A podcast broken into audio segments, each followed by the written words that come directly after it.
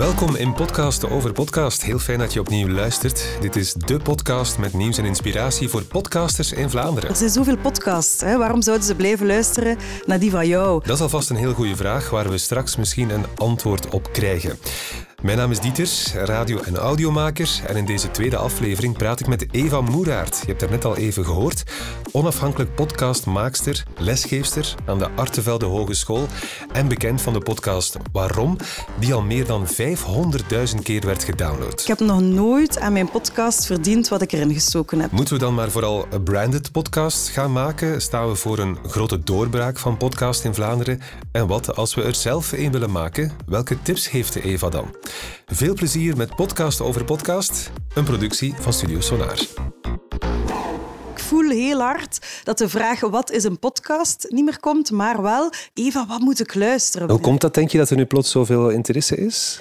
In Vlaanderen dan eh, denk ik dat dat een beetje wel door eh audiocollectief Schik is. Ik denk eh, Bob, El Tarango, dat zijn toch podcasts die een heel breed publiek hebben bereikt. Ik hoop waarom ook daarna. Hè. Maar Bob was bijvoorbeeld eerst en is ook een podcast die ik heel veel mensen aanraad. Die zeggen van ik wil eens iets luisteren. Het is heel toegankelijk en het zet heel goed het medium. Hè. Een vervolgverhaal, iets spannend, je blijft luisteren. En ik denk dat daardoor, dat is heel veel in de media geweest, mensen toch wel de weg aan het vinden zijn naar de andere podcasts. ook. Ja, ondertussen zijn er ook meer en meer merken, eh, brands, die podcast eh, ontdekken ondertussen. Eh, Hoe sta jij daar tegenover als onafhankelijk ja, podcastmaakster? Ehm, zelf als maker ga ik daar niet zo snel voor kiezen. Nee? Omdat ik voor mezelf wel besloten heb dat ik de creatieve vrijheid nodig heb. En die heb je nooit helemaal hè, voor een brand. Eh, want die willen zus of zo, of dat moet zo klinken, of die presentatrice en niet die. En dat hangt aan ons merk. En, en ik voel mij daar zelf vaak gevangen in. En wat ik wel ehm, merk, is dat de podcasts, de brands die ver weg gaan, die niet, geen reclamespotje maken voor hun eigen merk. Eh, bijvoorbeeld Albert Heijn maakt een aantal podcasts, maar in een van die podcasts over eten is het heel duidelijk dat ze opeens de biologische groenten in de kijker willen zetten. Ja, dat werkt niet voor mij. En ik denk voor vele anderen ook niet. Dan, dan denk je, ja, ik ben hier naar een eh, reclamespot van een half uur aan het luisteren. Maar dan heb je KLM, had bijvoorbeeld een heel toffe podcast over reizen gemaakt. Ja, The Journey, denk ik. The Journey. Dan heb je bijna niet door dat van KLM is. Ja. Maar het zijn heel mooie verhalen. Ja, dat vind ik fantastisch gedaan. En slim gedaan ook. hè? Want ja, uiteindelijk heb je wel door dat KLM is. Maar je wordt er zo niet met de neus op die reclame gedrukt. Dus ik denk dat mm, brands die een podcast willen daar heel goed moeten over nadenken. En misschien niet hun marketingmensen op de podcast zetten. Ja, Eva Moeraert, ze weet wat ze wil en wat ze niet wil, dat is duidelijk. En wat er zeker niet werkt volgens haar, is een branded podcast met een verkapte reclameboodschap. Maar hoe verdien je dan centen aan je podcast? Dat is de grote vraag eigenlijk. Hè. Ehm, ik zelf probeer mijn inkomsten een beetje van overal te halen, subsidies ook. Van het Vlaams Journalistiek Fonds bijvoorbeeld. hè. Pascal de Kroos kan je subsidies halen. Eh, bij openbare omroepen, maar dan merk ik dat de budgetten echt niet groot zijn. En eh, ik vraag niet immens veel geld. Allee, ik, ik, vraag, ik vraag gewoon geld voor een dag werk. Hè. En, en ik heb nog nooit aan mijn podcast verdiend wat ik erin gestoken heb. Maar ja, we zijn allemaal aan het nadenken over systemen. Gaan we reclame in ons podcast steken? Ja, dat kan. Hè. Maar dan moeten we eerst al iemand vinden die dat wil doen. Hè. En, en hoeveel luisteraars heb je dan nodig? Vooraleer iemand dat gaat willen doen. En wil ik dan wel elke brand of elk merk in mijn podcast? En moet ik dat dan? Moet ik dan gaan zeggen dat ik een matras getest heb voor, weet ik, voor de matrassenkoning hè, met mijn man? Want zo gebeurt het in Amerika. Hè. Echt? Dat die host, die Amerikaanse host, die doen dan een heel serieus programma en opeens zeggen die, ja, my wife and I, hè, wij lagen gisteren op die matras. En dat is geen afknapper voor, eh, voor, Voor de is dat een Ja. afknapper als Vlaamse luisteraar. Maar die Amerikanen blijven daar allemaal naar luisteren. En, maar ik voel hier in Vlaanderen, als we daar onder hè, podcastmakers over spreken, dat iedereen zoiets heeft, gaan we dat nu doen? Gaan we dat nu niet doen? Ja. Eh, ja, moeilijk wel hoor. Maar langs de andere kant, ik wil daar wel eens mee experimenteren. Hè. Ik ga geen matrassen verkopen. Hè. Maar met zo een sponsor zoeken die voor of na mijn podcast, allee, of die ik gewoon aankondig en zeg van dit is mede mogelijk gemaakt door, moet toch kunnen eigenlijk. Hè? Ja. En stel dat een mediaspeler met een voorstel als dat zou afkomen, DPG Media bijvoorbeeld. eh, vorige week eh, sprak ik met Ankaars. Zij zegt, ja, we denken daarover na, maar we weten nog niet goed hoe het allemaal zou moeten. Ja. Zou, zou, zou dat Ik interessant zou daar zeker zijn? voor openstaan, ehm, maar ik zou wel als maker een beetje inzage in het merk willen krijgen, denk ik. Hè, want je wordt daar dan toch met geassocieerd. Ja. Er komt Ehm, bijvoorbeeld een pre-roll voor, eh, of zelfs een, een, een boodschap die je podcast onderbreekt in het slechtste geval, Ja, halverwege. Lastig, of, eh, enzovoort. Als je dan zo'n Ja. mooie opbouw hebt, hoe lastig is dat? Ja. Dus ik zou het liefst ervoor of erachter hebben. En een paywall, daar geloof ik eigenlijk niet in, omdat alle podcasts in de wereld zijn... Allee, er zijn er van aan het terugkomen. Maar er heel veel podcasts in de wereld zijn gratis. En ga- gaan wij in Vlaanderen dan opeens podcasts gaan aanbieden waar je moet voor betalen? Volgens mij gaat dat niet echt werken. Mhm. Maar je voelt wel in Amerika dat ze daar ook van aan terugkomen zijn. Hè? Dat er nu eh, bijvoorbeeld Love and Radio is zo een van mijn favoriete podcasts. Opeens zijn die bij een ander netwerk of zo en moeten we daarvoor betalen? Kunnen we daar niet meer aan? Hoe frustrerend is dat? Ja. Hè? Dus ik ben wel geneigd om daar nu voor te betalen, omdat die al acht seizoenen lang enorme kwaliteit geleverd hebben. Ja. Maar als je begint met een podcast, ja, wie gaat er in godsnaam dan Mhm. geld geven? En zeker in Vlaanderen, waar de afzetmarkt zo klein is. Oh, dat zijn zo moeilijke vragen Want als ik een podcast heb beluisterd en, en, en die vond ik fantastisch, dan ben ik misschien wel bereid om daar toch wel 5 Voilà. euro of zo voor te geven. Voilà, dus Ja. Mhm. misschien achteraf. Van, hè, Vond je dit goed? Hè, Patreon doet dat ook. Hè? Vond je het goed? Geef geld voor deze podcast. Dat, zouden we, dat is ook een van de opties die op tafel liggen. De zoektocht naar geld voor podcast zal wel nog eventjes blijven duren. En als er een publiek is, ja, dan komen er ook wel centen. Dus, beste Eva, geef ons de tips en tricks om een goede podcast te maken. De eerste minuten van een podcast zijn zo belangrijk, want Ja. je kan hem heel gemakkelijk uitzetten. Hè? Ja. En, eh, en je luistert niet meer verder als die eerste minuten niet goed zijn. Dus ik denk dat dat bij mij wel echt een regel is van in die eerste minuten moet je mij wel mee hebben en mij wel grijpen met jouw verhaal. Dus ik vind het heel leuk als op voorhand al iets komt van straks gaan we het daarover hebben of deze uitzending daarover en dat ik heel goed weet wie er rond tafel zit. En zelf al heb je geen cliffhangers, hè, bijvoorbeeld bij Studio Brein hebben we altijd een ander thema, probeer ik toch telkens op het einde te teasen. Ik hou van eh, die series, die vervolgverhalen met fantastische cliffhanger. Ik kan daar echt van smullen, van een goede cliffhanger. Ja. dat vind ik geweldig. En, eh, maar heb ik ook wel beseft bij waarom is een van de moeilijkste dingen om te doen. Ehm, maar dat vind ik belangrijk. Eh, ik vind ook goede opname en goede montage heel belangrijk als ik zelf naar podcasts luister. Dus ik vind ja, zo'n goed geproduceerde podcast, daar kan ik echt van genieten eigenlijk. Ja. En is het ook belangrijk om een soort van niche op te zoeken? Want dat is Ja. een beetje de sterkte eh, van een podcast misschien. Ja, dat vind ik wel. En ik heb de twee al gedaan. Hè. Waarom was openbare omroep? Dus dan ga je toch wel voor een breed publiek. Breinwijzer gaat nu heel niche op breinwetenschappen. Hè.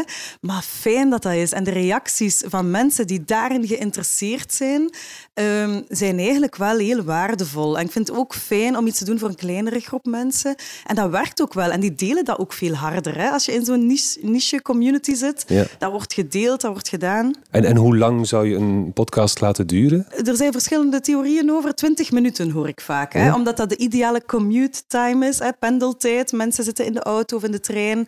Eh, zelf luister ik naar dingen die langer dan een uur zijn ook. Maar dat hangt er een beetje van af. Hè? En ik vind het ook niet erg om in twee of drie keer naar iets te luisteren. En ik hoorde onlangs een aflevering van Zwijgen is geen optie met Stefan Hertmans. Twee uur en een half, denk ik dat was. En die was meer beluisterd dan de video die online stond. Dus een goed begin, een teasende uitsmijter, durven in de diepte gaan, je niet te veel laten afschrikken door al te veel regels. En toch is er één belangrijke stap die je niet mag overslaan, volgens Eva. En ze weet waarover ze spreekt, na de productie van haar fantastische podcastreeks Waarom. Ja, stap 1 is ehm, bij mij altijd wat is het idee en wat is uw baseline? Hè? Wat, wat ga ik hier vertellen? Allee, Waarover gaat mijn podcast in één zin? En dat kan soms al weken, maanden duren voordat je dat gevonden hebt. Ehm, en dan denk ik altijd na, waarom zouden mensen daarnaar willen luisteren? Hè? Bijvoorbeeld waarom, dat ging over een heel persoonlijk verhaal van mij en een oude jeugdvriend die zelfmoord gepleegd heeft. Waarom in godsnaam zouden andere mensen daarnaar willen luisteren, hè? naar dit kleine verhaal? Dus daar heb ik heel lang over nagedacht. En dan heel veel thema's uitgehaald van, oké, het gaat niet alleen over mij en Bjorn, maar het gaat ook over eh, onverwerkt verdriet eigenlijk. En dat hebben heel veel mensen in Vlaanderen en in Nederland. En dan heb je een goed idee. Ja. En dan begint het pas. En dan begint het. Ga je in de studio opnemen? Ga je dat presenteren? Ga je interviews doen? Of ga je hè, de straat op met je microfoon en ga je documentaire maken? Ehm, dus die keuze maak ik dan. Hè. Ehm, als ik documentaire maak, dan ik werk wel zo dat ik eerst heel veel interviews ga doen om te voelen hoe het verhaal in elkaar zit en te zien wat ik heb. En bijvoorbeeld voor de nieuwe reeks dat ik nu aan het maken ben, heb ik heel wat interviews en scènes liggen. En volgende week ga ik beginnen puzzelen. Hmm. Wat gaat er in aflevering 1, 2, 3, eventueel 4? Hoe gaan we dat opbouwen? Dus dat is de volgende stap. Dus je schrijft je interviews uit bijvoorbeeld? Of, uh... Ja, ongeveer. Eh, soms schrijf, de lange schrijf ik wel uit. De andere paar, eh, weet ik zo van die scène, die scène, die scène. En dan ga ik dat echt in met post-its op een bord gaan plakken. Hè. We gaan met die scène beginnen. Een stukje interview daarover. Thema van deze uitzending. Bijvoorbeeld bij Waarom had elke van de vijf afleveringen een thema. Hm. was een, een aflevering over schuld, een aflevering over op zoek gaan naar details. En dat plakte dan bovenaan mijn bord van hier gaan we het hebben over op zoek gaan naar details. Ja, er komt heel veel denkwerk bij kijken. Ja. En, Vooraleer je eigenlijk begint aan een montage, moet je het heel hard overdenken. Ja. Denk dus niet dat je in 1, 2, 3 een interessante podcast hebt gemaakt. En als je dan iets moois in handen hebt, dan moet je nog je publiek vinden. En het publiek moet jou vinden. Hoe krijg je dat voor elkaar? Uh, moeilijk, hè? Um, want VPRO heeft dat heel goed gedaan voor mij. Um, daar, heb je al, daar heb je al een soort van ja, promotor bijna. Hè? Voilà, je hebt de promotor, je hebt al luisteraars van VPRO-podcast. Zij staken een spotje in de andere podcasts ook. Hè. Luister je naar Bob, dan hoor je op het einde... Ja, je moet ook naar Waarom luisteren. Ja, zalig natuurlijk. Dus dat werkt. Dus daarom ook dat we dat podcastgezelschap hier in Vlaanderen hebben opgericht. We zitten maar met een stuk of zes podcasts nu in en we verwijzen naar elkaar. Ja, dat is niet moeilijk, hè, maar het helpt wel iedereen een beetje. Hè. Dus ja, verwijzingen in andere podcasts, hè, want je hebt daar al een publiek, helpt. De pers halen heeft mij enorm geholpen bij Waarom. Um, en, maar bij Studio Brein um, ja, zie ik daar zo niet direct een opening om de pers te halen. Wat ik daar probeer is, bijvoorbeeld, we hebben afleveringen over autisme, over stotteren, ADHD. Ik ga op zoek naar die belangengroepen rond, hè, dus naar mijn niche publiek. En ik probeer dat daar te pluggen in hun Facebookgroepen, in hun communities. En je ziet van zodra dat daar gedeeld wordt, dat mijn cijfers in de lucht gaan. Um, dus ja, als je voor een niche werkt, is het eigenlijk nog wel gemakkelijkst. Hè? Want dan mhm. moet je die gewoon gaan aanspreken. Ja. En op welke platformen uh, zet je je podcast dan? Uh, Overal. Ja. All the way. Dus die staat zowel online, hè, dus gewoon op de website van Breinwijzer, hè, voor de mensen die niet uit de apps geraken, maar dan in alle apps en in Spotify. Ik merk nu wel, ik ben een beetje verslaafd aan mijn luistercijfers. Ik zit altijd zo in, die, in dat dashboard te kijken van Podbean om te zien hoeveel luistercijfers ik heb. En dan kan je zien hoeveel mensen er van welke app komen. En ik merk dat Spotify wel echt even groot is als bijvoorbeeld een Apple Podcast, mhm. hè, wat, wat altijd een beetje de grootste speler wordt gezien. Maar ook Google Podcast wordt wel beluisterd. En dus ik sta overal eigenlijk. Om af te sluiten. Jouw tip van dit moment, uh, als het over een interessante podcast uh, gaat? Ik heb recent geluisterd naar de Crypto Queen van de BBC. Dat is een, eh, een, reeks ook over cryptocurrency, waar ik niks van af wist, over bitcoins en zo. Maar het gaat eigenlijk over een vrouw die de hele wereld heeft opgelicht met zo'n cryptocurrency bedrijf. Het is ontzettend goed verteld. Het is documentaire. Ze gaan overal naartoe. Ze zien heel de wereld om die vrouw te vinden, want die vrouw is verdwenen. Dus er zit zo wat mystery in, maar je leert heel veel bij. En uh, het is ontzettend goed geproduceerd. Uh, de muziek, alles is het eigenlijk heel goed. Dus dat is eentje van, ja, van de okay. tijd die ik echt heel graag geluisterd heb. Ja. Dus ook bij de BBC zetten ze volop in. In Nederland zetten ze al volop in. Het is nu aan ons, hè? Het is aan ons, eindelijk. Dankjewel, Eva. Graag gedaan. Dit was Podcast over Podcast van Studio Sonar met nieuws en inspiratie voor podcasters in Vlaanderen. In deze aflevering hoorde je Eva Moeraert, onafhankelijk podcastmaakster en lesgeefster aan de Artevelde Hogeschool. Ik kan daar echt van smullen, hm? van een goede cliffhanger. Eva heeft trouwens een fantastische, heel persoonlijke podcast gemaakt. Waarom heet die? Die je zeker eens moet checken. In de volgende aflevering ga ik op bezoek bij Floris Dalemans, radioactive researcher bij VRT Innovatie. Maak het interessant en geen minuut langer. En wil je meer nieuws en inspiratie? Blijf onze podcast dan zeker volgen en abonneer je via je favoriete podcast-app. Tot de volgende.